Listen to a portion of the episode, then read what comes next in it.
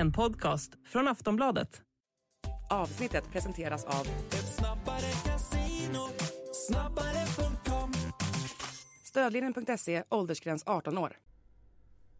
De ekonomiska klyftorna skenar. En liten elit på toppen som äger allt mer drar ifrån och i botten finns en majoritet av jordens och Sveriges befolkning som egentligen inte äger någonting. Är det hållbart? I alpbyn Davos har som vanligt den ekonomiska eliten diskuterat världsläget i veckan och biståndsorganisationen Oxfam har kommit med nya siffror på klyftorna i Sverige och världen. Fem rika svenskar äger mer än de fem miljoner fattigaste svenskarna i botten. Idag gästas Starta pressarna av Oxfam Sveriges generalsekreterare Susanne Standfast och forskaren Axel Wikström som studerar bilden av de superrika. Du lyssnar till avsnitt 9 av Starta pressarna med mig, Daniel Suhonen.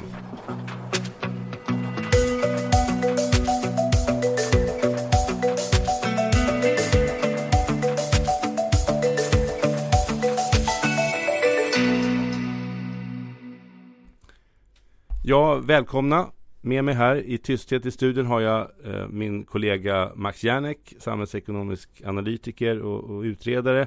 Och jag har också med mig Axel Wikström som forskar på bilden av de superrika. Eh, och vi, ni ska strax vara med här. Eh, ni är varmt välkomna, ni kan dricka kaffe så länge. Men jag börjar med Susanne Standfast som är generalsekreterare på Oxfam Sverige. Eh, mm. God morgon Susanne! Hej! Tjena! det är en kall morgon här i Sverige, men det är liksom som kanske illustrerar liksom eh, världsläget på något sätt. Iskyla, du har 20 mm. minus i, i Karlstad och 14 i Stockholm. Eh, mm. Eh, Susanne, det är nästan som en liten tradition nu. Varje år när de här eh, superrika och företagsledarna flyger in där i Davos, då kommer organisationen Oxfam med siffror på klyftorna. Eh, kan inte du berätta först lite grann, vad är Oxfam eh, och Eh, och, sen lite grann om din rapport. Mm. Tack. Eh, men också med en del av en stor global organisation som finns i över 80 länder som jobbar för en jämlik värld helt enkelt. Vi jobbar både med akuta insatser men också långsiktigt arbete. Och vi släpper den här rapporten i samband med Davos varje år, den årliga ojämlikhetsrapporten, för att peka på eh, hur ojämlikheten ökar i världen, men också peka på makthavares ansvar för, för att reda i den här röran. Eh, och årets rapport visar att vi har liksom en otrolig koncentration i toppen av förmögenheter och därmed också makt och inflytande såklart. Så vi säger då att världens fem rikaste eh, har dubblerat sina förmögenheter sedan 2020 samtidigt som fem miljarder människor har blivit fattigare och allt fler kämpar för, för att klara eh, dagen.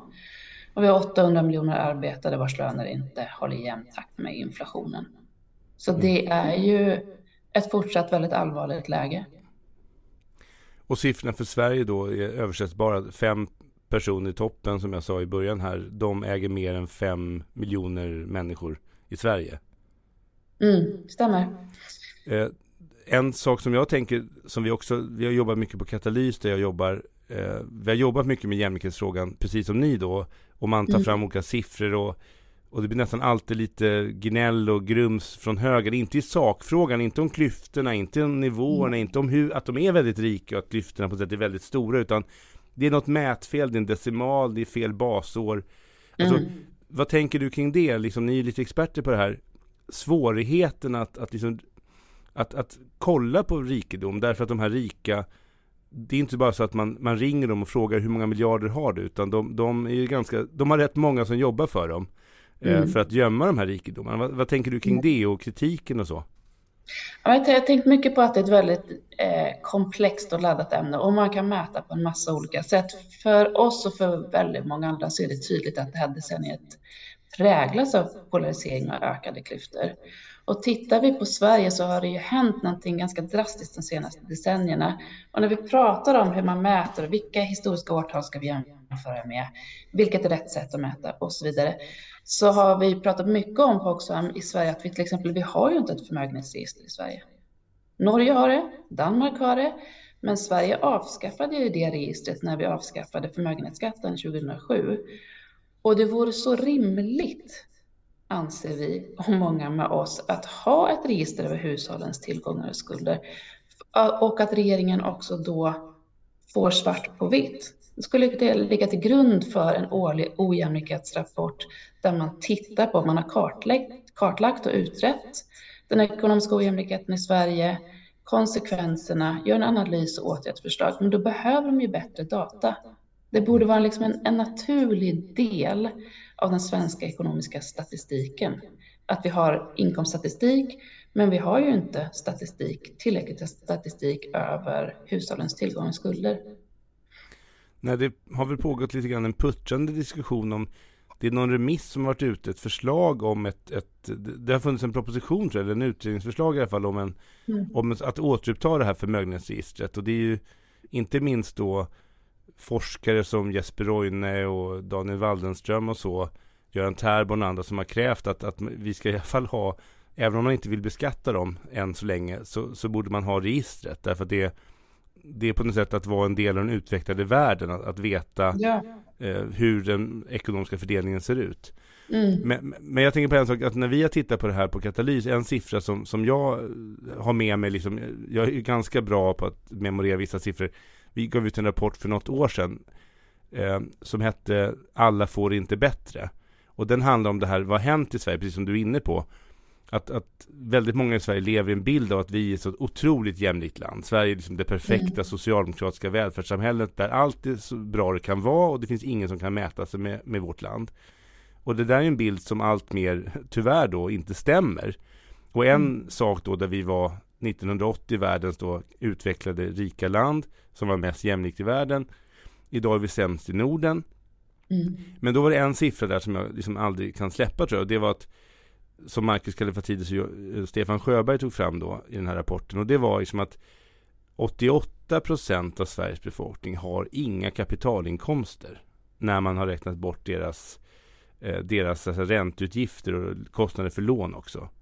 Mm. Och den siffra jag hade sett innan var att 60 procent i stort sett inte har något ägande, alltså mm. som är större än deras skulder. Men alltså 88 procent har inga kapitalinkomster överhuvudtaget. De har kapitalutgifter eller noll. Och sen har man 0,9 procent av befolkningen, alltså mindre än 1 procent, eh, som har 157 miljarder tror jag var i, i kapitalinkomster. Alltså det är en otrolig Alltså vad tänker du där? Alltså lever vi svenskar, vill, vill vi ha kvar den här bilden av när ni kommer med era siffror, när vi kommer med våra siffror, mm. stör vi liksom lite, alltså även istället för att bli arg på klyftorna så blir man liksom arg på att vi stör bilden av det här perfekta jämlika samhället som är bättre än alla andra länder. Vad tänker du om det? Men jag tänker att det här, eh, vi pratar lite för lite av konsekvenserna av klyftorna. Jag tycker att det det känns, det är märkligt.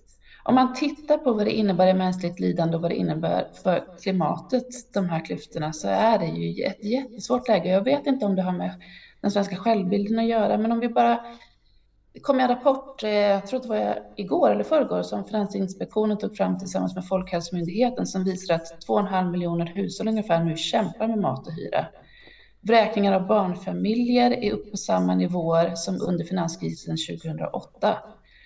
Det, det, finns så många sådana exempel. Stadsmissionen var ute och larmade redan i början av förra året att de har aldrig sett den här ökningen av folk som behöver hjälp. Och då pratar vi om vanliga människor med vanliga löner som inte får pengarna att räcka mm. till. Det finns, om vi tittar på skolan, eh, skriker efter resurser.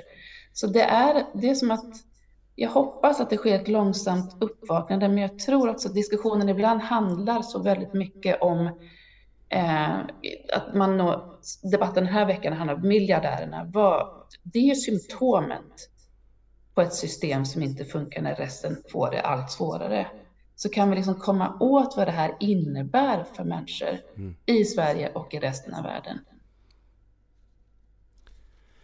Jag tänker på en sak ni har ju fått lite, alltså ni har fått kritik då, man kan säga ganska vanlig kritik eh, från ett ganska vanligt håll, från, från borgerliga, liksom, ut, ja, borgerliga röster, ekonomer och eh, publicister, Johan Norberg bland annat, som Mm. då kritiserar era siffror. Vad, vad tänker du, vad är ditt svar på den kritiken då som han, han menar? Han menar att allting har blivit bättre i världen och att Gini-koefficienten globalt sett har, har, har minskat då från ungefär 0,9 till 0,88 från, 0, från 92 till 88. Och då kan jag bara berätta att Gini-koefficienten är då ett mått på fördelning där 100 eller 1 beroende på skala är total ojämlikhet. Du har en person alla pengar i hela världen. Det, Mm. det har inte förekommit någon gång, kommer aldrig förekomma. Om inte Elon Musk kör på ännu mer. Och vi alla ersätts av robotar. Eh, Mm. och sen har man liksom nollvärdet då. Det är att det är total jämlikhet. Varenda person på jorden har exakt lika många, eller i den enhet man undersöker då, Sverige eller Europa eller vad man nu, eller Gö- Löddeköping eller vad man nu har för liksom studieobjekt. Då har de exakt lika många kronor. Och det har ju inte heller, eh, har inte heller hänt. Och då, liksom, då kan man säga att Sverige var ju då på, när vi var som jämlikast, då hade vi ett värde på ungefär 20 eller 0,2. Och nu Mm. då är vi liksom någonstans runt 0,3. Eh, och det är en väldigt kraftig ökning. Men då är Sverige, idag är vi ungefär lika ojämlika som USA var när vi var som jämlikast på 80-talet. Eh, när Reagan var president, då var de ungefär lika ojämlika. Och då, så vårt värde är liksom 0,3, då har vi haft en oerhörd eh, ökning av ojämlikheten. Men det globala måttet har alltså gått då på 20 år drygt från alltså 90, 92 till 88. Mm. Och då menar Johan Norberg med flera att det här är en otrolig förbättring. Vad pratar Oxfam om? Vad är ditt svar då på den här liksom kritiken? Att ni är alarmister. Allting går åt rätt håll. Halleluja! Alltså, vi delar ju inte samma uppfattning om kanske ytterst om vilket samhälle vill vi ha då. För det visar ju fortfarande att den här ökningen gäller ju inte de fattigaste länderna. Det kommer fortfarande att ta i nuvarande takt att utrota fattigdomen i världen. Det kommer att ta 229 år. Det är den här enorma skillnaden i förmögenhet och kapital som är den stora, stora skillnaden. Det, om man ser man till Sverige då så är det ju väldigt gynnsamt att äga kapital och tillgångar. Det är dyrt att jobba. Och de exemplen som jag precis pratade om ehm, talar ju sitt tydliga språk, tycker jag. Ska man nöja sig då? Vi måste ju se hur Sverige mår idag. Hur mår välfärden? Hur mår de mest utsatta grupperna? Vad gör vi för att stävja den här utvecklingen? Det är där vi delar liksom inte riktigt samma bild, jag och Johan Norberg, om detta. Alltså 229 Oxfam, år. Vänder vi det tillbaka? Vi börjar nådens år 2024 när Dr. Pangloss Norberg tycker världen är perfekt och de fattiga ska vara nöjda för de har fått de har fått, liksom, de har fått några ören liksom mer att köpa sin kondenserade mjölk, sitt Nestlé bröstmjölksersättning för i flyktinglägret. Och om vi då vänder 229 år framåt så kommer You get pie in the sky, liksom, eh, sjöng Joe Hill. Men 1795 så att om vi vänder tillbaka, mannen som 1795, Gustav III nyss skjuten, franska revolutionen pågår, jag vet inte vilken Napoleongubbe som är på gång. Men då helt enkelt 1795 så säger någon, vi har otroligt stor ojämlikhet. Någon från franska Oxfam meddelar eh, nationalförsamlingen eh, att vi har problem med klyftorna. Och då svarar någon som har en bulle i munnen, en bakelse i munnen att nu får ni faktiskt hejda er. Det har blivit lite bättre de sista 20 åren. Framförallt så har det blivit bättre för mig. Men om 229 år, 2024, kan vi meddela de revolutionära klasserna här att det kommer bli bra. Det kommer vara halv okej i alla fall. År, om 229 år. alltså, jag håller med, alltså man blir liksom, vilken sjuk världsbild. Alltså, eh, Ja, men det de är absurt, Mm. Daniel, för då är det som att lite spill får vi räkna med. Ska Mm. vi nöja oss med? Alltså det, det, det talar sitt tydliga språk tycker jag, men det är ju uppenbart att då har man lite olika bild av alltså alla människors lika Mm. värde. Vi måste ju, om vi är så många som är överens idag, Oxfam, Mm. IMF, Världsbanken, Europeiska centralbanken, och det vill jag också säga att många miljardärer själva idag går ut och säger Mm. vi har nått en punkt där vi inte, där vi, släpp det här med ekonomisk tillväxt nu, för vi har kommit till en punkt där vi måste omfördela kakan. Den kan inte bara fortsätta växa. Vi måste omfördela för att komma till rätta med de här enorma samhällsutmaningarna.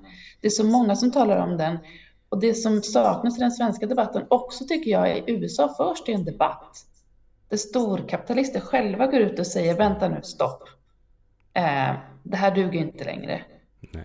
De, ska vi se vilka heter de? Det här nätverket Patriotic Millionaires och Tax Me Now har gjort en undersökning som släpptes nu i veckan också, där de har tillfrågat 2300 miljonärer och miljardärer om deras syn på, är de för en ökad beskattning av de allra rikaste för att omfördela och generera finansiering till välfärden och liksom stävja levnadskostnadskrisen. Det visar sig att 74 procent av dem är för en ökad beskattning av de allra rikaste individerna för att komma till rätta med vad vi står inför. Vad vi står mitt i snarare. Just det. Jag noterade, det var ju det här uppropet, jag tror det var igår den kom ut i Sverige här, de här, mm. om det är 250 eller 225 miljardärer som, som då säger beskatta oss hårdare, vi har råd med det här, mm. det behövs precis som du säger. Och, och jag noterade att som jag såg så var det ingen svensk miljardär där. Eh, det var ingen svensk med på listan. De, de, de har inte råd med det här helt enkelt. De har inte råd att bidra lite mer. Nej men alltså vad tänker liksom Oxfam, vad tänker ni att man ska göra då? Ni har några förslag också, eller hur? På, på vad som bör göras på kort sikt i Sverige och det globala är lite mer komplicerat, men Sverige mm. har ju ändå rådighet över skatter och fördelning. Vad tänker mm. ni vi borde göra om vi, om vi vill komma till rätta med det här? Det var det jag var inne på förut. Vi behöver ha bättre datastatistik av den ekonomiska ojämlikheten så att vi utgår då, eftersom vi också pratar så mycket om olika mätmetoder, historiska årtal och så vidare. Men skulle regeringen ta fram en årlig ojämlikhetsrapport mm. där man har tillgång till rätt data, gör som Norge och Danmark och ha ett sånt här register. Det är ju gynnsamt, efterfrågar även Riksbanken och Finansinspektionen. Så att ett sånt, den typen av register över hushållens tillgångar och skulder skulle ju vara hjälpsamt för ett informerat beslutsfattande i Sverige. Och sen är ju ett av våra andra förslag att för att komma till rätta med det här så att de som kan bidra allra mest också bidrar lite mer. Du pratade om det här om kvällen i, i ditt program om, och tyckte inte du fick något tydligt svar där, där du sa, men, men bara en procent då? Mm. Men vad säger du, kan vi en procent? Att öka beskattningen för att generera finansiering till välfärden och för en rättvis klimatomställning. Ja, nej men det, alltså, det finns ju en nivå här, vi, vi ska inte, vi ska avrunda strax, men jag tänker så här, mm. det finns ju en nivå av detta. Det ena är ju så att säga att för, för en fattig människa, alltså då menar jag människor som har, vi har liksom en relativ fattigdom som man pratar om i, i, i Europa, där Sverige mm. liksom har, de, de, de relativt fattiga har ökat väldigt mycket. Det var liksom under 10 procent under väldigt lång tid och nu är det liksom uppe på 16 procent den senaste siffran jag såg av familjerna då som är, som är relativt fattiga. De tjänar mindre än 60 procent av medianinkomsten. Och så mm. tänker man den här kostnadskrisen nu, vi har enormt stora hyreshöjningar, väldigt många låginkomsttagare bor naturligtvis i hyresrätt. Man har elräkningar som skenar, mm. liksom nu kanske lite bättre i år. Och matpriserna har ju varit som en enorm börda för, för liksom yeah. hushållen. Och vi på Katalys har ju föreslagit, liksom, för första gången då på tio år så företog vi en skattesänkning, nämligen slopad matmoms. Därför att det skulle ju vara, jag menar, Eh, man kan diskutera alla sådana här skatteförändringar men det skulle ju vara att lätta då och kräva då naturligtvis att det här, den här momssänkningen skulle slå igenom fullt på priserna. Mm. Annars får man väl liksom helt enkelt göra någonting åt koncentrationen i matvarubranschen. Men, mm. men liksom att, att det är så påtagligt att liksom även för oss som tjänar bra liksom så har det ju varit tuffa tider liksom med räntor och med matpriser. Man själv reagerar på tomater som kostar 85 kronor kilot och liksom och sådär. Men, men att det är ju uppenbart att, att människor inte klarar att det, liksom, det blir dålig mat till barn. Det blir pensionärer som liksom inte ja, men som inte kan liksom käka, sig, käka vettig mat, liksom näringsriktig mat. Vi har haft en mm. absurd debatt om liksom ris och gröt och med den Andersson mm. som var i våras. Här. Det är ett exempel på det här. Alltså så enkelt att Alltså jag tänker det här liksom nästan kristna budskapet att man ser sig själv i andra solidariteten att det jag har borde ju andra få ha. Alltså, mm. Jag tycker att det är så liksom enkelt att beskatta den övre medelklassen och framförallt liksom de som har väldigt mycket pengar lite, mm. lite hårdare. För fördela en tusenlapp från mm. övre medelklasshushållet till den fattiga barnfamiljen. Det skulle göra, alltså det spelar egentligen ingen, det blir lite, lite mindre semesterbudget kanske för det högre, högre tjänstemannahemmet. Men det skulle spela, de där tusenlappen skulle spela en enorm roll mm. för barnfamiljen som inte har pengar så det räcker. Alltså det där att, vad gör pengar nytta någonstans? Eller fördelar det Mm. till välfärden? För nu är det ju enorma nedskärningar. Alltså det där liksom det här att, att det finns en sån, ja men idén, det var därför jag sa det här också, en procent, kan man öka en procent beskattningen? Då blir det på något sätt att alla inser att om man är, har 100 miljarder eller 20 miljarder eller 5 miljarder, om du skulle ha liksom 10 miljoner mindre eller liksom Mm. lite, lite mindre, man skulle skrapa på nageln liksom av deras förmögenhet. Det skulle ju inte välta det kapitalistiska systemet för att högerberättelsen är ju argumentet mot er och oss och alla Mm. som argumenterar för den här typen av politik, alltså att omfördela mer, det är ju att minsta rubbning den skulle helt om, alltså skulle välta hela det kapitalistiska systemet. Plötsligt skulle alla dessa entreprenörer och företagare och hela familjen Wallenberg, de skulle liksom sätta sig och de skulle bli helt apatiska. De skulle inte kunna Mm. arbeta. Och så liksom kan man inte heller läsa in det här. Vi har ju ofta liksom diskuterat det här att man måste ju också ta in vad som har hänt i Sverige. Om vi hade stått 1976 med, med liksom Astrid Lindgren här och hon hade betalat 102 procent i, i, i marginalskatt. Mm. I det samhället så kan man ju säga, ja vi har väldigt höga skatter, eh, marginalskatter på arbete och vi har hög kapitalbeskattning. Och det kanske finns en gräns för hur hög den kan vara i någon mening i en globaliserad värld. Som höll på, på att bli globaliserad då eller mer eh, fri, fri så att säga. Eh, men idag när vi har sänkt de här skatterna, vi måste ju ändå ta in att i Sverige har man alltså tagit, sänkt skatteuttaget i ekonomin så att om vi idag hade tagit ut samma procentandel till välfärden som 1990 då hade man haft ungefär 500 miljarder mer. 500 miljarder. Väldigt eh, liksom, hög kostnadskvot här så hade det varit ungefär 500 000 lärare eller sjuksköterskor Mm. eller den Mm. typen av anställda. Eller väldigt kraftfulla höjda pensioner, barnbidrag, eh, infrastruktur. Alltså Mm. helt enkelt, det är en otroligt stor summa som man har dragit ner den offentliga gemensamma köpkraften för. Och Ja. det drabbar ju de här som du pratar om, de fattiga barnfamiljerna. Och de drabbas dels för att de är fattiga nu ekonomiskt i hushållsekonomin, men de är också fattiga och drabbas av nedskärningarna i skolan och äldreomsorgen och så Mm. vidare. Vad tänker du om det, det här är som att man inte har någon, att det inte finns något utrymme för ens små justeringar åt rätt håll? Ja, men för oss är ju det obegripligt. Alltså, alla de exempel som du drar nu, att man, man tittar på konsekvenserna och att röster där ute, även bland rika människor och på många stora företagsledare som också tillstår själva att vänta nu, vi måste börja omfördela därför att konsekvenserna av ojämlikheterna kommer ju drabba alla till slut. Det är också massa forskning som visar att, att hög ojämlikhet också har dåliga effekter på den sociala rörligheten som man också ofta pratar om i de här sammanhangen. Att det påverkar ekonomin negativt och att de här, den här, de här otroliga klyftorna skapar ett lidande som man inte pratar om så mycket i den här debatten. Vi pratar väldigt mycket om siffrorna, men vi pratar inte om till slut, så vad är det för samhälle vi vill ha? Mm. Var tror, vi att det här, var, var tror vi att det här kommer sluta i Sverige om vi låter det här fortsätta? Och vad är vi villiga egentligen att gå med på? Och därför tycker jag att, att det är konstigt att det höjs så mycket röster utanför och för så mycket livligare debatt om att omfördelning är rimligt ur mångas hänsyn. Men här pratar vi väldigt lite om, om det i den debatten. Det finns också, dels så tänker jag att det finns någon etnifiering av liksom fattigdoms och arbetarklass och underklass eller man, Mm. vilket begrepp man nu vill använda. Att man har någon, det har etnifierats så mycket i Sverige att man nästan tänker att alla samhällsproblem från arbetslöshet till trångboddhet till dålig tandhälsa till liksom att man har låga inkomster och sen dör för tidigt. Det är som att det är inget riktigt problem för att det i stor utsträckning drabbar då människor som har kommit hit de sista 30 åren.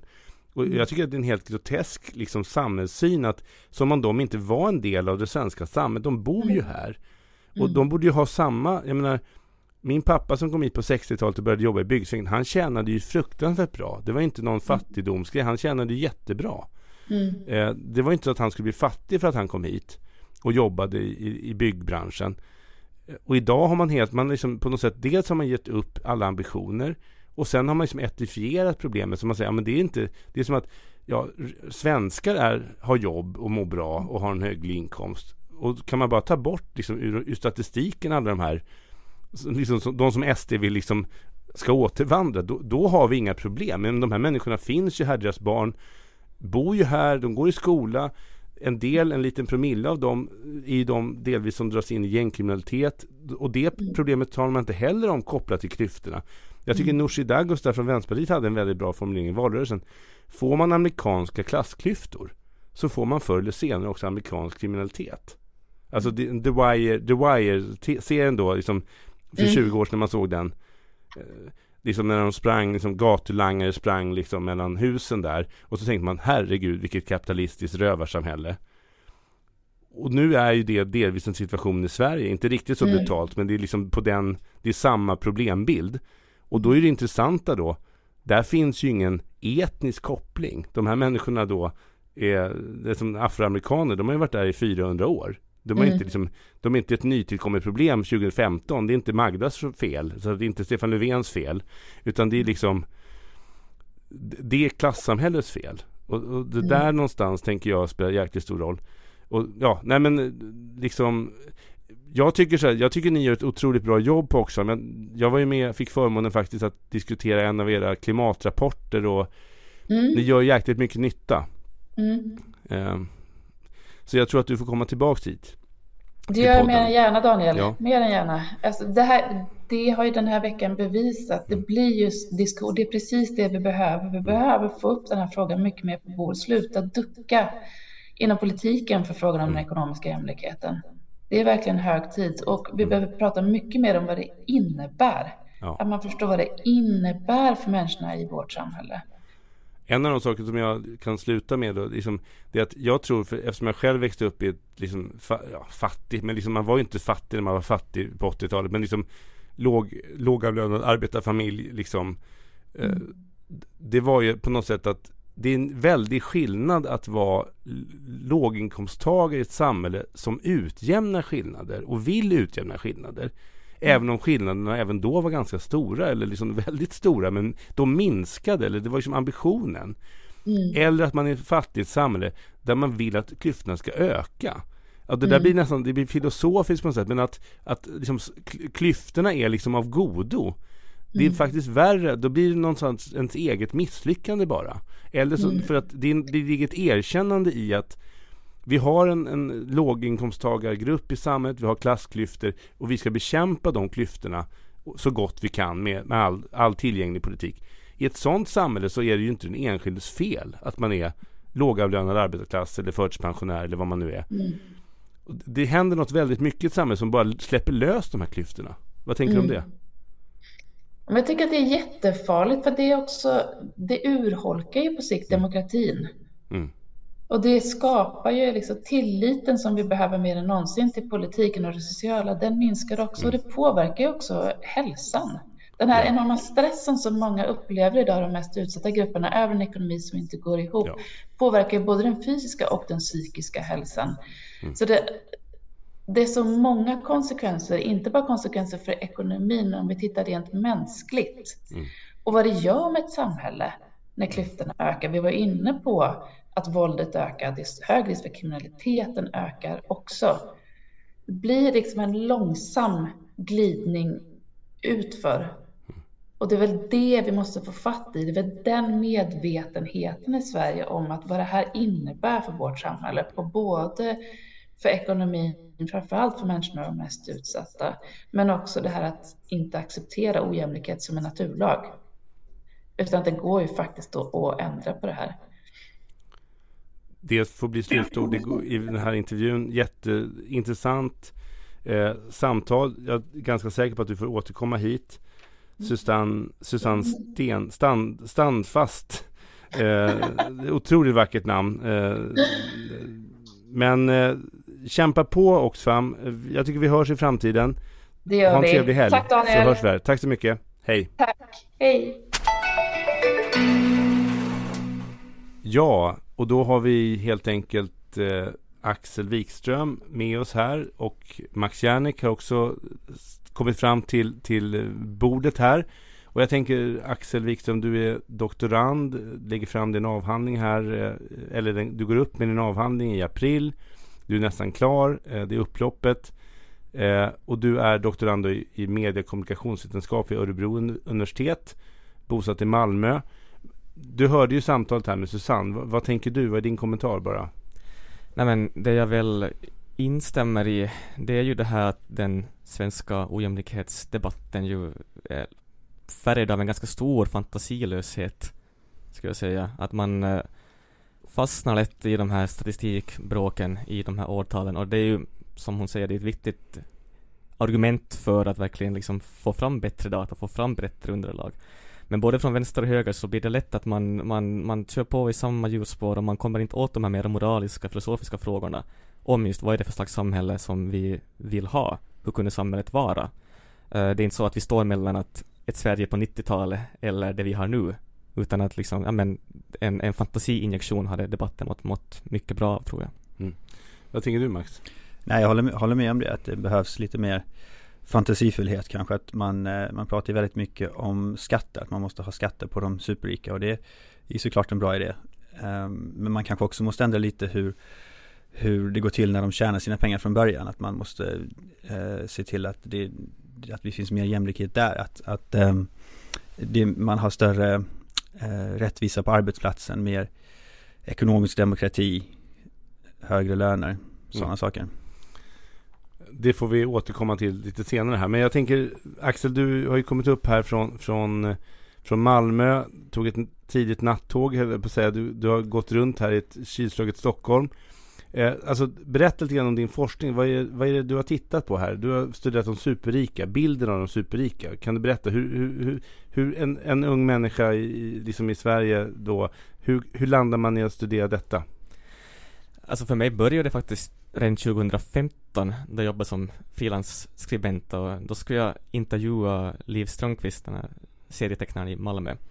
Då tror jag att hon hade nyss fått, var det DNs kulturpris eller något sånt här väldigt prestigefullt pris. Och då tror jag att min vinkel för den här intervjun var att eh, den här balansen mellan att vara en sån här, en, en så här radikal skapare och samtidigt bli omhullad av en, någon typ av kulturelit. Och då minns jag att när jag tog upp det här under samtalet, då var det som att någonting så här tändes till hos henne, att hon sa någonting i stil med att ja, men man tror ju att folk som uttalar sig mycket i media har mycket inflytande för att de, deras röster är så explicit där liksom. Men det här med att ha riktig makt, det är ju att ingen vet vem man är. Det är ju liksom att, att uh, vara liksom, så att säga osynlig. Det här med att prata med journalister är bara för losers, tror jag att det var hennes exakta ord. och det var väl bara något som hon där kastade ut sig, men jag tyckte det var spännande, för sen liksom, och det var, då tog hon något exempel från just någon så här uh, rik finansman eller vad det var. Då minns jag att när jag gick hem så tänkte jag ändå att jag är ändå så här hyfsat samhällsintresserad. Men så tittade jag på några, några av de här rikedomslistorna och insåg att men jag har ju inte koll på någon av de här. Nej. Vad är det här för, för, alltså kanske någon kamprad eller någon så här, men det var väldigt, väldigt lite. Och då började jag då tänka som journalist också att kan det ha någonting att göra med hur media skildrar de här personerna som gör att de inte hamnar mitt i den här hetaste samhällsdebatten. Uh, och sen när jag skulle börja forska så insåg jag ju att det finns väldigt lite forskning på hur eh, folk i det översta skiktet i samhället skildras. Utan oftast när man ska fånga ojämlikheten som ett mediefenomen, då tittar man på arbetarklass eller på andra former av marginaliserade grupper. Men väldigt lite tittar man på det ovanifrån. Så det var här som jag har försökt fylla någon slags eh, eh lucka i, i både i forskningen och i samhällsdebatten. Ja, det finns ju ett väldigt hemlighetsmakeri där med, eh, som de superrika håller på med, att de eh, gömmer, gömmer undan sina rikedomar också i, i skatteparadis och så mm. vidare. Mm. Och eh, jag tänker på att det är samma sak som när man, när man snackar om brottslighet så är det också alltid de, de lägre klassernas brottslighet som man tar upp som, som problematiskt. Där. Att folk skjuter varandra på stan och så vidare. Eh, och det är min, mer sällan som man, som man pratar om de rikas brottslighet med eh, att det är folk som dör i arbetsplatsolyckor, att det finns eh, folk som bryter mot lagen där, att, att eh, det är lönestöld, arbetsgivare som inte betalar ut eh, skäliga löner till sina arbetare och så vidare. Så att där finns också en väldig skillnad i hur det beskrivs. Man brukar kalla det street crime och suit crime. Liksom mm. De som har kostym på sig när de begår sina brott och har liksom jurister som hjälper dem att genomföra brotten. Och de som får en, en samhällets betalda advokat när de står inför skranket. Nej men, men, men Axel, vad, vad är det du har liksom kommit fram till? Vad är det du har studerat? Vad är, liksom, vad är det du har tittat på? Berätta lite. Exakt så. Jag har lite olika fallstudier i den här avhandlingen, men den som jag tänkte ta, ta upp idag, så där har jag tittat på eh, porträtt helt enkelt, reportage, featureartiklar i svensk rikspress från 2018-2019. Så jag har tittat på DN, Aftonbladet, Expressen och Svenska Dagbladet. Och då helt enkelt kollat på hur beskriver de de här miljardärerna i Sverige. Och men ingången då, det är då att, att de här superrika utgör en slags spänningspunkt i den här nyliberala samhällsordningen. Mellan då å ena sidan någon tanke om marknadens rättvisa och på andra sidan någon form av social rättvisa, att vi ändå har en typ av moralisk tanke om vad som är en rättmätig belöning. Mm. Och då är min ingång att, att eh, för att den här samhällsordningen ska hållas stabil så krävs det att de här superrika på något sätt inkorporeras i ett slags nyliberalt rättvisenarrativ som mildrar de här spänningarna mellan då marknadsrättvisa och social rättvisa. Eh, det är en filosof som heter Nancy Fraser som jag jobbar utifrån. Men om jag ska sammanfatta skulle jag säga att, att tre stycken punkter ska jag kunna lyfta fram från den här studien. Att delvis då att det finns en, en flexibilitet i de här representationerna. Att om man ser på miljardärer som har gjort eh, en slags klassresa där hittar man ofta ett sånt underliggande ideal om en social rörlighet. Vad bra, kolla man kan liksom komma upp från påverförhållanden och bli miljardär Hans i pappa Sverige. var verkstadsarbetare och, eller mekaniker Mycket sånt, och... mycket sånt att Fjällrevens grundare började i en källare eller pappa hade cykelfabrik eller typ den grejen. Så här ser man en typ av, av ideal. Men sen om man då tittar på eh, arvingar, där är det mer att man betonar så här ansvarsfullhet, eh, kontinuitet, eh, lite det här kött och blod eh, diskurs liksom, att då är det inte här liksom, då är det någon annan typ av trygghet man ger in. Så här ser man ju liksom att, att, att olika miljardärer kan bedömas på olika sätt. Och det är något som är ganska typiskt för det liksom nyliberala rättvisenarrativet att när, flex, när, när de här principerna krockar med varandra, då är det antingen att de twistas eller att de bara läggs bort och blir nästan oigenkännliga. Eh, så det är en punkt. Och sen en annan grej som jag tyckte var intressant, det är att jag märkte att det finns ganska mycket eh, sportmetaforer, eller spelmetaforer i de här reportagen. Det kan vara att eh, man beskriver hur någon omnämns i samma liga som en annan miljardär, eller att man boxas mot varandra, eller att man eh, spelar högt och vinner och så. Mm. Och det tyckte jag var väldigt intressant för att liksom, om man då tänker att idrotten som en slags logik, där bygger det ju på att så länge som ingen bryter mot spelets regler, då är det okej att utfallet blir väldigt ojämlikt. Det är okej att Real Madrid slår Malmö FF med 10-0. Varje, varje dag, varje år. Ja, ja, så liksom. länge man har följt liksom reglerna. Och det är liksom, och det finns andra forskare som också har lyft fram den här liksom parallellen mellan marknadens logik och idrottens logik. Så här är ett sätt som också kan bidra till att helt enkelt naturalisera ojämna utfall, även väldigt extrema, som i det här fallet. Och det för mig då in på min sista poäng då, det här med spelreglerna, för att när man ser på den mer kritiska eh, rapporteringen i de här reportagen, då är det mycket att man kanske fastnar vid det här enskilda affärsmodeller eller enskilda miljardärer.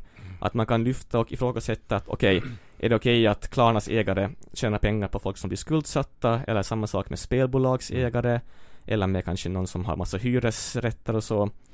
Men här blir det återigen då att man, man lätt fastnar vid att prata om vad är rätt sätt att bli, bli rik på? Hur ska man få, vad är en bra miljardär? Så här underliggande längtan att hitta fram till den perfekta miljardären. Medan så att säga själva spelet i sig, alltså det som bygger på konkurrens, att man slår ut varandra, att man tävlar. Det i sig hamnar ju inte liksom i fokus i de här texterna. Eh, Så det här med att vi landar i spelregler istället för spelet, det skulle jag säga är en av Mm. huvudgrejerna som jag vill föra fram. Det låter jätteintressant. Jag tänker att eh, om man säger så här, det finns ju också väldigt, de här rika människorna har ju då resurser liksom. Finns det liksom aktörer menar du som liksom skapar de här berättelserna? Eller liksom ligger de i systemet? Är det liksom inbyggt nästan hur man ska berätta om, om de här rika? Liksom, eller formar de själva berättelsen? Vad tänker du kring det? Jag tänker att all journalistik uppstår ju när, i ett möte mellan olika logiker och intressen. Att eh, i och med att jag ser ju mycket återkommande eh, narrativ, återkommande strukturer i de här texterna, mycket liknande bildval Mm. på liksom Mm. typ stora fina hus till exempel. Och här är det väl också då att det är väl också en produkt av att media produceras väldigt så här snabbt idag och det är att man tar en använd struktur och går in i den. Alltså här brukar vi skriva om miljardärerna, då gör vi så. Så kan det också handla om att det är väldigt svårt att få miljardärer att ställa upp på intervjuer. Eh, och det kan också tänkas påverka att när man vill ha någon på kroken, då kanske man inte går åt lika hårt, för då får inte man träffa dem igen säkert. Uh, och sen har jag, jag, jag har inte tittat på det här själv, men jag har ju liksom mera anekdotisk så här att folk som jag känner som är journalister, som har försökt nå ut till en miljardär och får då svar med en, ett par A4 om här är min livshistoria, ungefär, det här vill jag att vi ska ta upp liksom. Så det är ju svårt för journalister att, att uh, göra journalistik på de superrika. Och det är också ett argument för att de som gör det behöver få bra uppbackning av redaktioner, behöver få uh, finansiella medel för att verkligen granska och komma åt de här mer strukturella frågorna som handlar om hur har vi fått ett samhälle där vi har så extremt många miljardärer i Sverige. Alltså för några år sedan så var, när vi gjorde vårt stora klassprojekt på Katalys Då, ett av de roliga seminarierna där var eh, på Jonsreds herrgård eh, Göteborgs universitet ordnade. Eh, det var ju som utifrån vår, vår undersökning så att säga. Och då var en av de medverkande forskarna där eh, Hon visade liksom bilder av liksom kapitalismen då eh, och klassmotsättningarna liksom på 70-talet under industrikrisen och på 00-talet då när Saab la ner. Och bilden hon visade var så otroligt tydliggörande att på 70-talet var bilden liksom av, av vad som hände när man la ner en fabrik. Det var liksom att arbetarna var ett kollektiv. De såg ofta utanför fabriken i, i blåställ. De hade liksom fackförbundsnålen på och de krävde, de talade till politikerna. Politikerna skulle agera för att rädda produktionen, deras arbeten. Och så kom politiker dit och så var politiker på bild. Kapitalisterna var liksom aldrig närvarande, direktörerna syntes inte. Sen då när man gick till till eh, 2009-10 där när liksom Saab la ner. Då var det bilden omvända. Då var kapitalisten hjälten som skildrades hela tiden liksom i grodperspektiv. Den här Viktor Müller, då en av de största skurkarna i svensk liksom, finanshistoria. Så liksom brandskattade det här konkursboet. Liksom. Men han skildrades så hela tiden. Han sover bara fyra timmar per dag. Han är ständigt på väg mellan olika möten. In och ut i limousiner, på flygplatser, vid fabriken. För att rädda arbetarnas jobb. Liksom. Så han var hjälten. Politikerna var däremot inte närvarande. Varken i diskussionen eller på bild eller liksom i reportagen. Regeringen ville inte agera. Eh, det var ju borgerlig regering båda de här gångerna. Liksom. Och sen då arbetarna, de var inte längre ett kollektiv utan de var liksom någon sorts atom, atomistiska, svaga liksom konsumenter. Det är verkligen som en sociologisk filosofisk studie här. Och det fanns en bild då på Victor Müller i grodperspektiv och sen var det som en ensam arbetare, som en ung metallarbetare som sitter med sitt för tidigt födda spädbarn på axeln. Det är mörkt, en julgran lyser i bakgrunden för det är närjul. Och rubriken i GP, eller vad det nu var, är Vi vet inte hur vi ska klara julen. Alltså arbetaren som ensam, utsatt, svag konsument. Alltså vad tänker du om det här? Det här, liksom, det här är ju ett sätt också att beskriva liksom, en helt förändrad tanke om vad som händer i ett samhälle och hur man påverkar ett samhälle. Mm. Nej, men det jag tänker framförallt är liksom att när vi ska prata om de superrika i bredare termer, det är för det första en ganska dålig term egentligen. Alltså, jag vet att jag själv har den i min forskning, men att det är, det enda det säger är ju att vi pratar om folk med jävligt mycket pengar. Det säger inte någonting om hur de har tjänat sina pengar. Alltså vilka typ, det kan vara en, man kan kalla en, ett fotbollsproffs eller en popartist eller en oljeshejk eller en Mm. en eh, bolagsentreprenör för superrik. Så egentligen så är det viktigt att betona att det är en heterogen grupp också eh, och man måste kunna förankra det i en mer strukturell analys i till exempel elitteori eller klassteori eller vad det än är. Eh, men också just att vad vi tänker att de superrika är, som du säger den här bilden, det är något som också skapas väldigt alltså diskursivt, alltså det är ju, det är ju en, något som vi bygger mening kring. Eh, genom till exempel hur de visas i media, genom när vi kollar på Succession eller kollar på Exit, allt det här skapar ju en bild av vad det innebär att vara superrik. Eh, och, som, och också vad, vad de här samhällskonflikterna, vem är aktörerna, vad har de för typ av makt? Eh, att det är en kombination mellan att titta på det rent materiella i, okej, hur liksom, hur skapas de här klyftorna idag? Och hur skapar vi mening kring dem? Och se hur de flätar ihop med varandra. Och då se hur det har ändrats över tid. Det var ju ett intressant exempel du, du gav det här, det borde man ju titta mer på tycker jag. Max, du har ju också funderat på de här liksom, vad man ska göra åt det här. Det är liksom våran grej på katalys liksom. Vad gör vi åt det här då? Mm. Vad tänker du om Axels liksom spaningar här, eller hans liksom studier? Som ju liksom gäller liksom bilden av Mm. Sen finns ju den här materiella som vi pratade med Susanne om, så att säga, och själva ojämlikheten och de superrika i sig liksom. Mm, mm. Vad tänker du kring liksom, vad Ja. behöver man fokusera på? Ja, alltså ehm, hon, hon snackade ju om att det här Det här är inte hållbart, folk kommer tröttna på detta till slut Ehm, Och det, det budskapet kunde man också höra när man jag, tittade på 1795 då? Då hörde man det, precis. Då, det här var inte hållbart. Och den bilden av att folk till slut kommer tröttna och göra revolution. Jag tror att den är ganska vanlig. Um, Kajsa Ekis Ekman sa ju också det i, i ditt tv-program Mm. häromdagen. Eh, att eh, det här är inte hållbart för folk kommer, kommer tröttna. Och eh, jag tror att det är ganska ovanligt att folk faktiskt tröttnar och gör revolution. Det ska till ganska eh, extraordinära omständigheter för att det ska ske. Jag tror att dels behöver man det här som du var inne på med någon sorts klassolidaritet. Att klasser går ihop och inser att de har ett gemensamt intresse och att de sen i sin tur också eh, skapar allianser med andra klasser och att staten under det här tillfället råkar vara väldigt svag och i upplösning och kanske drabbad av inre konflikt. Så att det, det, det som är normen historiskt är ju att man har extrem ojämlikhet och att det finns både då rena, eh, ren dominans, att, man har, att eh, de som bestämmer har en armé som kan hålla folket i schack, men även ideologier som ser till att, att de underordnade eh, accepterar det här i någon mån och eh, antingen accepterar sin, sin lott, att, att den är liksom förtjänad eller accepterar att det inte finns någonting att göra åt det, att, att man ger upp. Så att jag, jag tror inte det finns någon, någon anledning att, att tänka att det här, att det liksom kommer nå någon sorts brytpunkt om det fortsätter åt det här hållet, utan jag tror att det kan fortsätta ganska långt åt, åt det ojämlika hållet om, eh, Mm. om det bara får fortgå. Från franska revolutionen på väg mot liksom Egypten, Mm. tusen före Kristus. Liksom. Vi, det är ständiga progression, ständig utveckling från, från Timbro liksom. Vi rör oss snart mot farao liksom, via romarriket. De tänker väldigt mycket på romarriket, deras fördelning där. Mm. Nej men liksom, jag tänker på det att för mig, alltså anledningen att jag liksom är reformistisk socialist är ju att jag tror ju faktiskt precis som du säger. Jag tror inte att när det blir för jävligt, historien är, det, vid några tillfällen, precis som du säger, under väldigt specifika, ofta efter krig. Mm. Frans, eller ryska revolutionen är ett sådant exempel, även franska revolutionen, Pariskommunen. Alltså de här, om, alltså finska inbördeskriget, alla de sakerna är ju att efter krig när staten liksom eh, imploderar på något sätt och, och liksom ofta då i kombination med någon sorts, också en, en rörelse som kräver då förändring, alltså det måste, någon måste ju leda Mm. detta. Mm. Det är, ju, det är ju undantagen och ofta dessutom då så går det ju åt skogen liksom, i det Mm. långa loppet. Medan jag tänker alltid att det är förbättringar som gör att människor kräver mer. Alltså om man pressas ner och blir fråntagen sin ostbit till mackan, då kräv, är man glad över mackan. Mm. Och en hel macka, ska vi äta, får vi en hel macka? Alltså att man helt enkelt, när man trycks ner så blir man så pacificeras man och man blir helt enkelt rädd att förlora det man har. Medan jag tänker att framsteg är ju liksom 68-revolutionen, liksom, eh, liksom helt enkelt det här att människor reser sig upp och ser att vi kan få det ännu bättre om vi organiserar oss.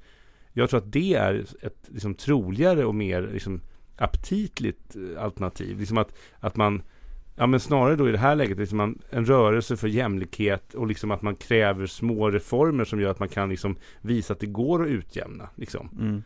Eh, Vad tänker du Axel? Men jag vill bara också fylla i det som Max sa, det är en viktig poäng att liksom att, att eh, också som diskursforskare så inte, inte så jag tror att eh, allting har ändrats så att folk ändå kommer inse att vänta nu, Elon Musk jobbar inte så hårt. Oj, nu är jag arg på systemet. Han jobbar inte hårdast i världen. Ja, knappast. Men, men just det här med att, men en sån här, som jag tänker är del av det här kanske då mera ideologiska sidan, det är också hur folk uppfattar vad en förmögenhet är och vad man kan göra med den. Att en sån här vanlig replik, om man ser den i en intervju med en rik individ i Sverige, det är att man vill säga att nej men jag är inte miljardär på riktigt. Eh, för mina pengar ligger i företagen, eh, eller vänta med en annan formulering, typ så här att, eh, jag menar att i varje fall att man liksom fastnar i det här med att det här är inte pengar som, som jag kan konsumera med. Därför så är jag inte förmögen på riktigt. Och då handlar det ju i så fall om att kunna bemöta det att säga att förmögenhet handlar ju mycket om ägande, alltså ägande av resurser. Inte att du kan ha en, köpa en viss liksom villa eller en viss Vilket de också kan. vilket man kan göra för man kan låna mot sina ägande så. Men liksom att bara betona att, att vi liksom att, att det handlar inte bara om konsument och det är väl också att vi är fast i ett sånt konsumentsamhälle idag att vi tänker att det som handlar om är vad vi kan ha i fickan och agera med. Men att, att här handlar det om att kunna liksom agera i termer av att kunna liksom påverka jättestora investeringsbeslut till exempel, kunna påverka politisk lobbying, eh, där är ju USA ett, ett, ett väldigt eh, jobbigt exempel på hur det kan bli liksom att pengar kommer in i politiken.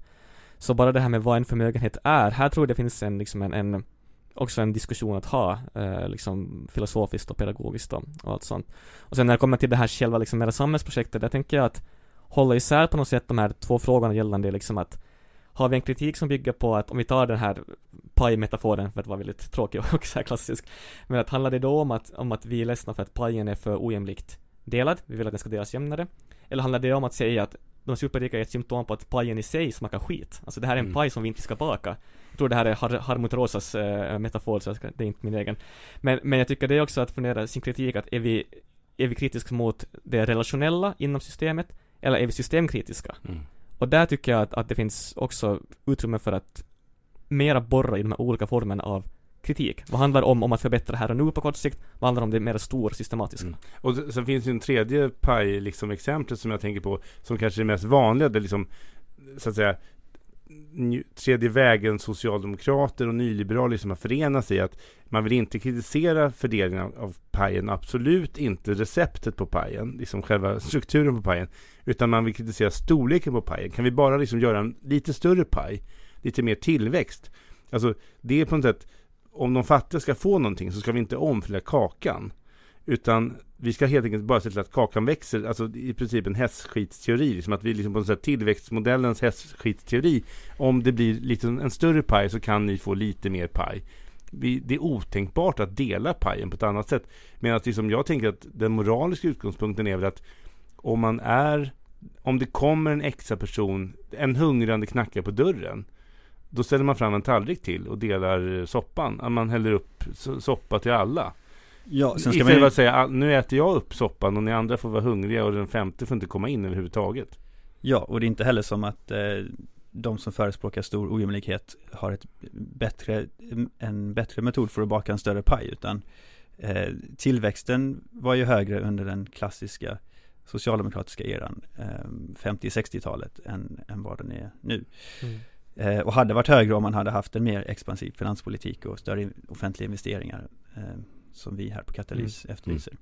Men någonting ännu som eh, Susanne sa, för hon nämnde ju det här med att eh, eh, att eh, i mer ojämlika samhällen så finns det tendenser på att man mår sämre både i toppen och i, i botten av Mm. olika anledningar. Det är Wilkinson och Pickett som började den liksom. Exakt De ja. visade egentligen ja, att utan, ju- utan korrelation så kan man se att sa, pajen smakar sämre Mm. I ett samhälle som är mer ojämlikt än ett samhälle som är mer jämlikt. Liksom. Ja, exakt ja. Men, och, men det som jag tänkte var intressant kopplat till, till media som jag tycker är eh, kanske också en liten trend om vi tittar mera på som tv-serier och sånt, vilket jag inte själv har studerat, men att, att det liksom, um, där finns det nästan en tendens att man vill visa upp mycket hur eländigt eliten mår. I typ eh, Succession, är mycket på att kolla, de kan inte bilda någon typ av trygg psykologisk relation. I eh, White Lotus, Mm. väldigt tomt exit, alltså Mm. för att säga det minsta. Och men där tänker jag också att, att för vissa menar ju att här finns det en typ av så här motståndskraft i den här typen av serier, medan jag kanske mer ser det som en form av så här kombination av någon slags förmögenhetspornografi med någon typ av misery porn, att det blir som att vi får sitta, det typ tillåter oss i någon typ av medelklass att sitta och känna oss så här duktiga så här, och kolla hur de beter sig de här rika. Så här hade inte jag gjort om jag, jag hade varit i deras läge. Jag hade liksom inte ballat ur på det sättet. Lite samma som att när vi kollar, man kollar på Lyxfällan och får liksom skratta åt arbetarklassen. Mm. Och det finns någonting ändå uppgivet tycker jag i den här, de här skildringarna, att det finns kanske frö av kritik, men det är mycket av det här att okej, det är så svårt att göra någonting åt klyftorna. Så det minsta vi kan göra är att vi kan få en stund där vi skrattar åt de superrika. Mattias Karlsson på SD, han har ju sagt det här att kultur, alltså politiken ligger nedströms från kulturen och det är väl liksom, han har citerat väl någon annan gigant säkert. Men då är det så här att i någon mening så har vi kommit dit att, att liksom de rikas liksom konsumtion och så skildras, alltså Succession liksom det ryser i kroppen när man ser helikopterscenen i första avsnittet i första säsongen. Liksom. Alltså det är klart att det där, det lockar, men det är ju makten. Liksom. Det är ett kungadöme, det är liksom den här totala makten. Jag tänkte på det förut, att när du beskrev de här eh, arvinggenerationen bland miljardärerna. För att alla, som, alla miljardärer ska liksom rättfärdigas. De som har skapat det själv, de har varit liksom klassresenärer. Han började med två tomma händer och, började, och nu äger han Sveriges största företag. Den typen av. Och de som ärver, de är jätteduktiga. Det är som kronprinsessan Victoria. Pappan är liksom en eh, fähund, men, men, men dottern, hon är jätteduktig. Hon är nästan som en vanlig människa och kan nästan prata. Så då är hon jätteduktig och hon ska absolut eh, äga staten och styra vår utrikespolitik och utrikesnämnden och, och vara liksom över, över, överbefälhavare i, i händelse av en rysk invasion. Som hennes alla släktingar har varit.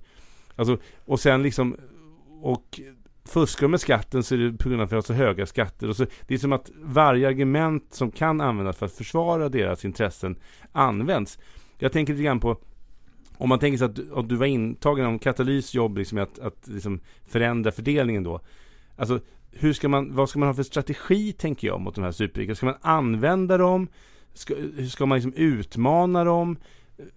Om man vill liksom, om man vill ha en annan, om man vill liksom, om vi vill koppla ihop de två gästerna här. Om man skulle vilja åstadkomma en annan fördelning i samhället.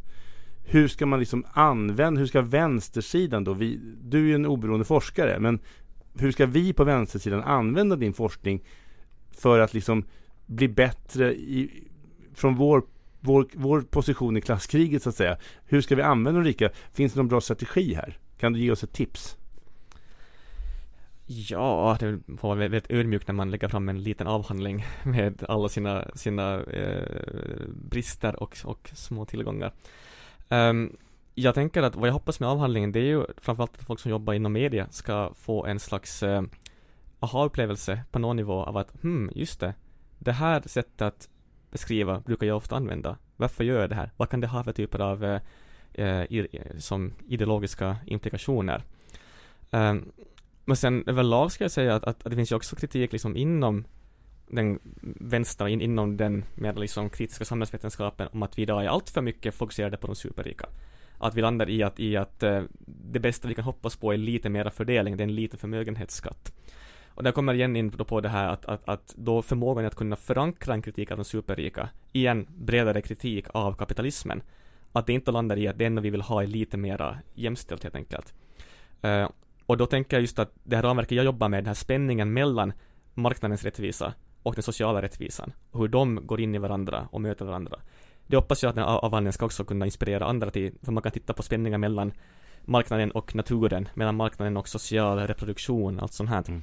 Att just att, att, att kolla på hur liksom de här olika rättvisenarrativen går mot varandra, hur de mildras eller hur de intensifieras. Och där händer det någonting som man kan ta vidare, tror jag. Mm.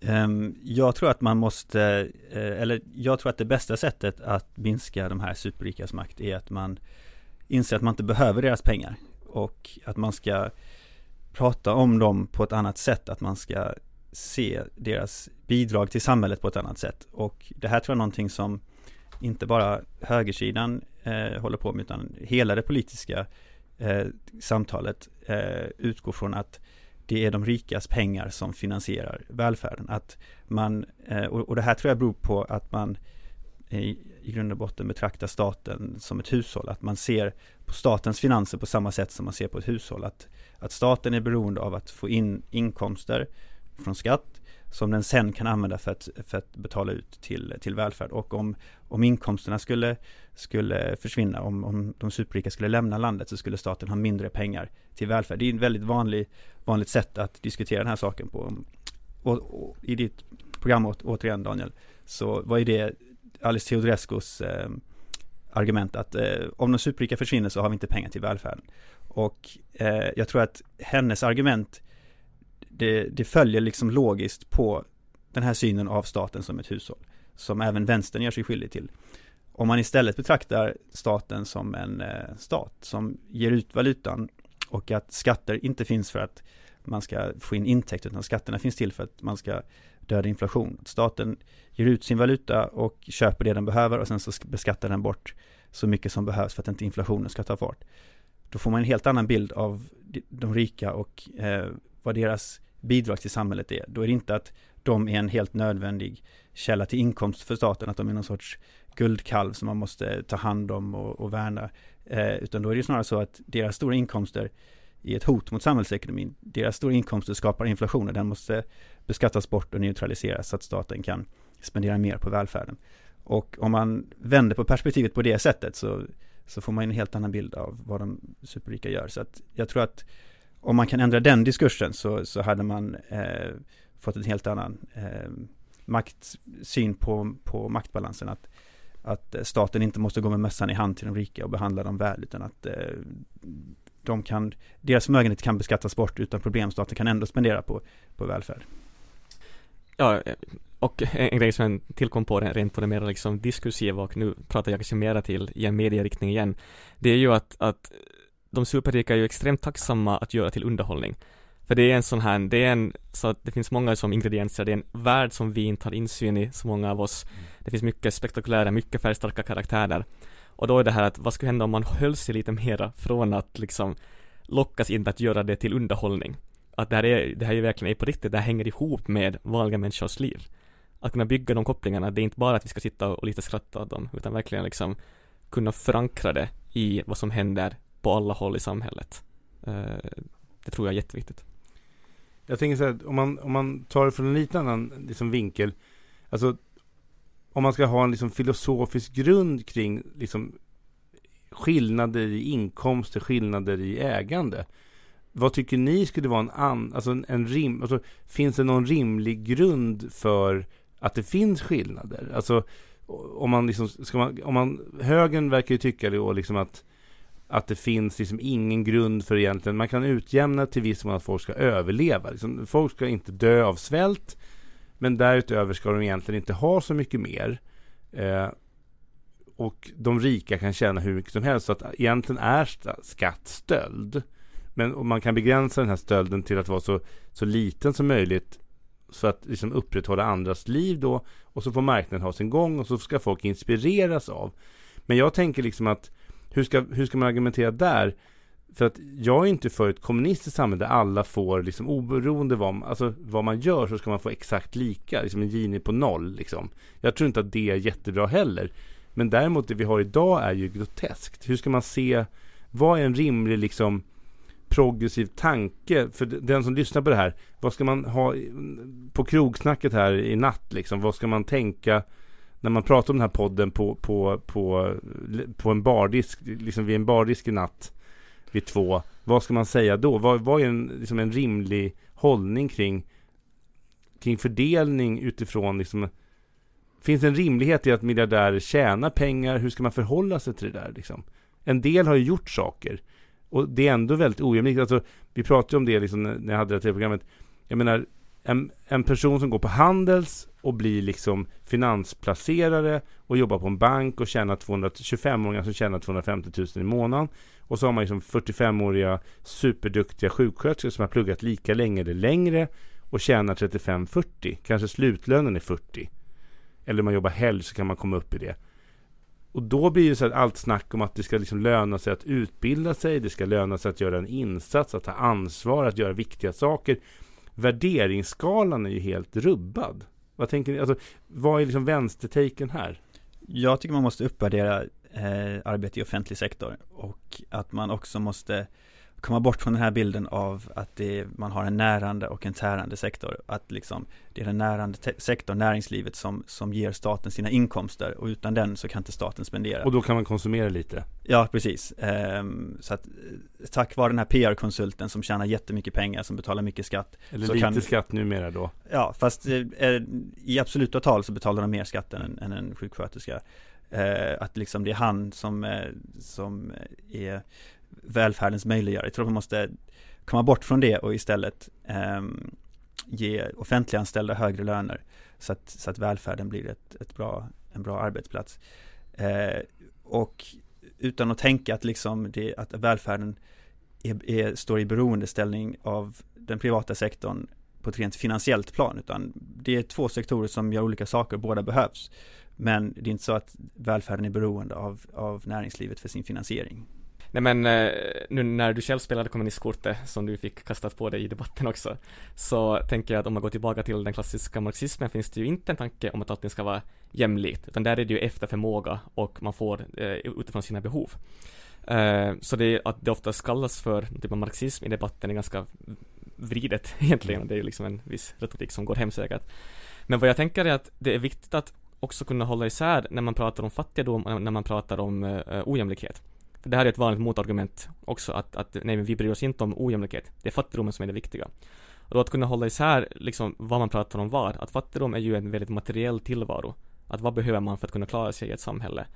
Eh, medan ojämlikhet ju i ännu större grad handlar just om makt och påverkan. Om kontroll över sitt liv. Att om det finns grupper i samhället som har jättemycket mer resurser att påverka samhällsutvecklingen då försätter det ju andra människor i en förmåga där jag har mindre makt över att själv kunna liksom uh, utforska mitt liv, utforska mig som människa um, och allt det här som liksom på sätt, om man ska ta lite mer och säga en, en humanistisk ingång, att innebär att vara människa. Vilket är kanske ett ganska liberalt argument egentligen, men så det tycker jag liksom också är värde att, att kunna liksom vara tydlig med, när pratar vi om fattigdom? Det är ett problem. När pratar vi om ojämlikhet? Det är ett annat slags problem som mm. har att göra med varandra. Men att kunna liksom vara tydlig där med vad man pratar om vad. Så inte alltid bara handlar om fattigdom. För att det argumentet tycker jag inte håller.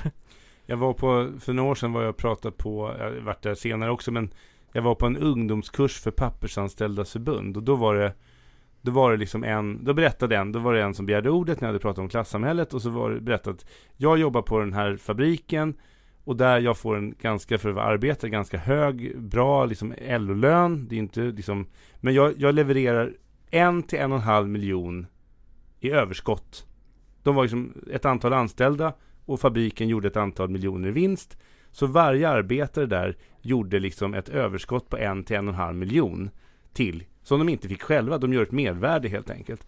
Jag tänker liksom att det var någon kommentar på, på Twitter eller något sånt där. Där någon sa, ja men hur många arbetare?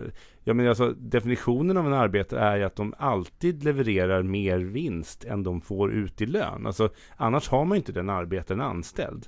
Sen finns det ju massa andra grupper i samhället eh, stora delar av mellanskiktet och, och, och, så och framförallt liksom de, de ägande klasserna som liksom, de behöver inte producera. Alltså om man äger tillräckligt mycket så behöver man inte producera. Och där tänker jag liksom att ibland man kan dra det till liksom att ibland har man haft under Reinfeldt och så när man pratar väldigt mycket om arbetslinjen att alla ska arbeta. Det är också, det är inte heller sant, det är inte det de menar. De menar inte att alla ska arbeta. De menar att all, ingen ska leva på bidrag. Utan de, alltså, det, det är de som ska arbeta, de där nere ska arbeta. Yes, jag vill bara till sist uh, plugga på det här temat att uh, jag arbetar också med eh, uh, Fronesis, den här kulturtidskriften, och vi har ett nummer som kommer ut här om någon månad som har temat eliter, som handlar om, som på olika typer av vinklar närmar sig det här, både liksom eliten som fenomen, som begrepp, men också som, som, så där vi också tittar på det här med elitkritik, alltså den mer liksom populistiska elitkritiken. Eh, vi tittar på liksom eh, eh också på medelklassens så att säga, säga positionering som någon slags liksom elit som i debatten. Eh, så det kommer komma ut om ett, någon månad så det får man gärna kolla in när det Jätteintressant landar. och då blir det lite mer bredare liksom elitforskning. Vi har ju haft liksom samarbetat här på Katalys med liksom Lena Sol och sådär när man har kommit med antologier och det är jättespännande.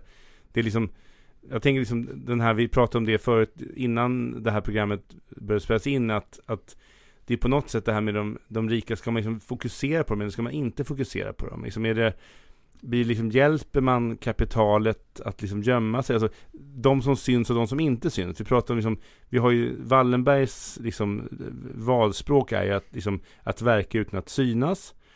Och sen har man liksom, men de verkligt superrika, det var du inne på Max, de syns ju verkligen. Elon Musk, Zuckerberg, och de verkar ju inte bara synas, de verkar ju också liksom ha drag av liksom speciella personlighetsdrag om man skulle säga så. Mm. Jag är inte psykolog. Men... Här vill jag ändå hävda att det här är en undantag. Det är undantag. Elon Musk är inte normen för, för liksom, om, om man går igenom de här miljardärslistorna, så det är inte som så att det, det, det finns de, de, de exemplen också. Absolut. Men de här som bygger eh. bunkrar, alltså liksom den här, man är väldigt rik eh, och sen bygger man liksom bunkrar. Zuckerberg nu har köpt någon halv eh, Hawaiiö och eh, har byggt ett tunnelsystem. Eh, alltså det finns något liksom det där blir, om man skulle vilja liksom skildra de här superrika som en Alltså att de i princip Alltså att de i princip förbereder sig för väldigt obehagliga tider. Ja. Ja, men det är väl också så här, det är väl, det är väl liksom, det är väl deras version av att, eh, av att ha ett lite extra sparande, eller ha en dunk i källaren. Det, kan man bygga en tunnel så bygger man en tunnel liksom, men det, det, det tyder ju på en viss typ av eh, eh pessimism.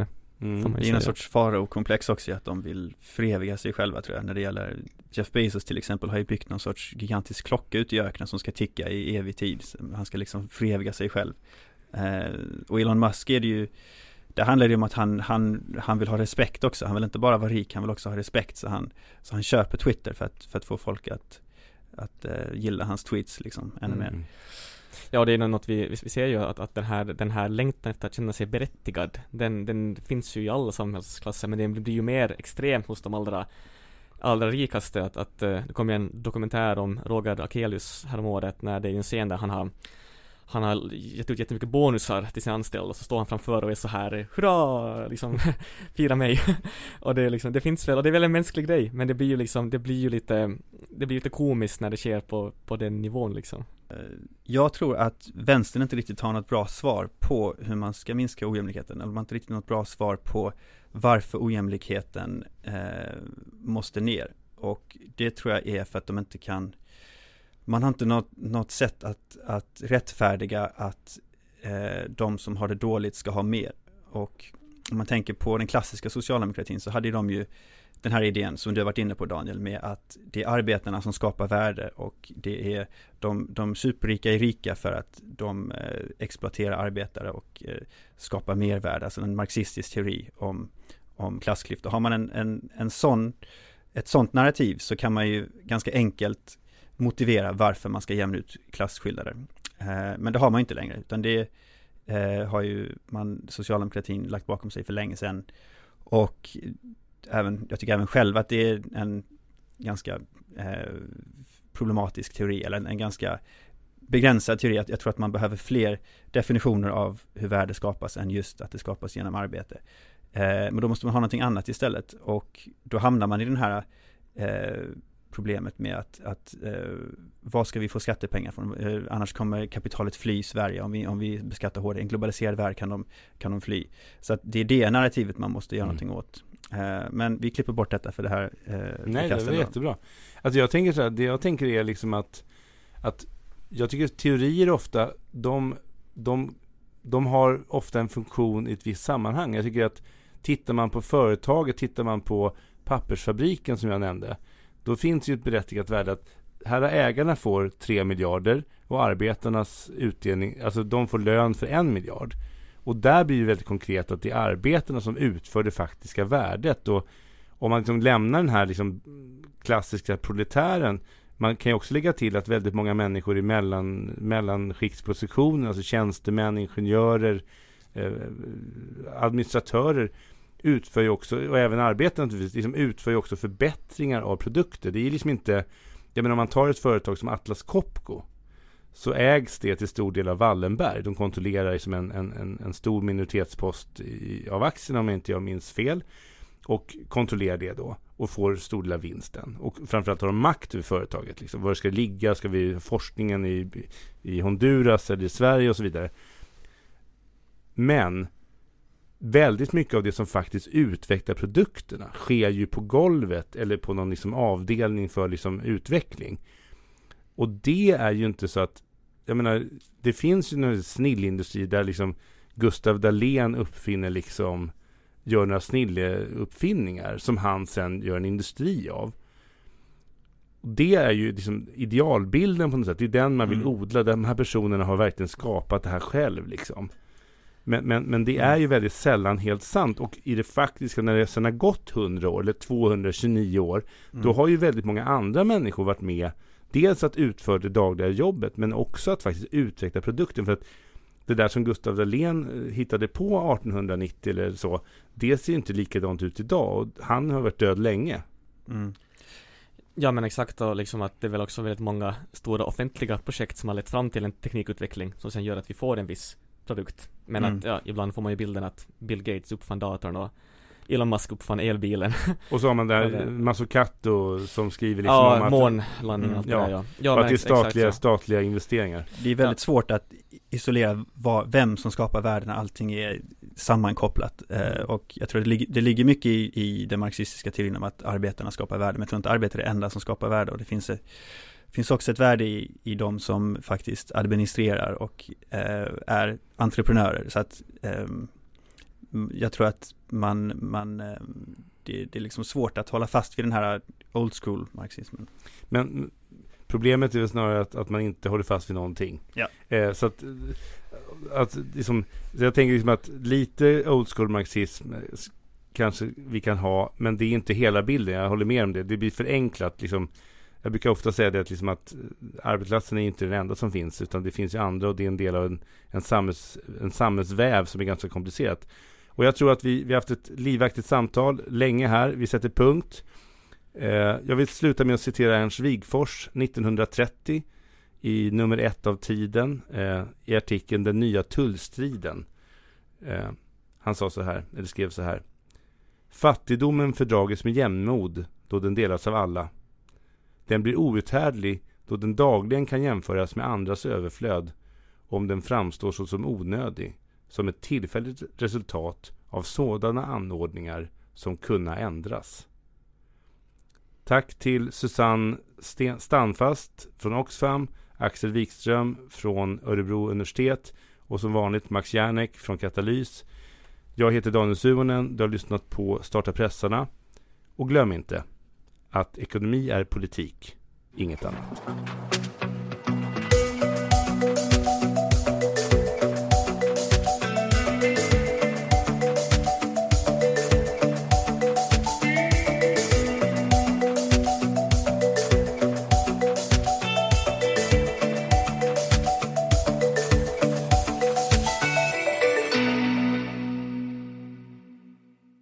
Du har lyssnat på en podcast från Aftonbladet. Ansvarig utgivare är Lena K Samuelsson.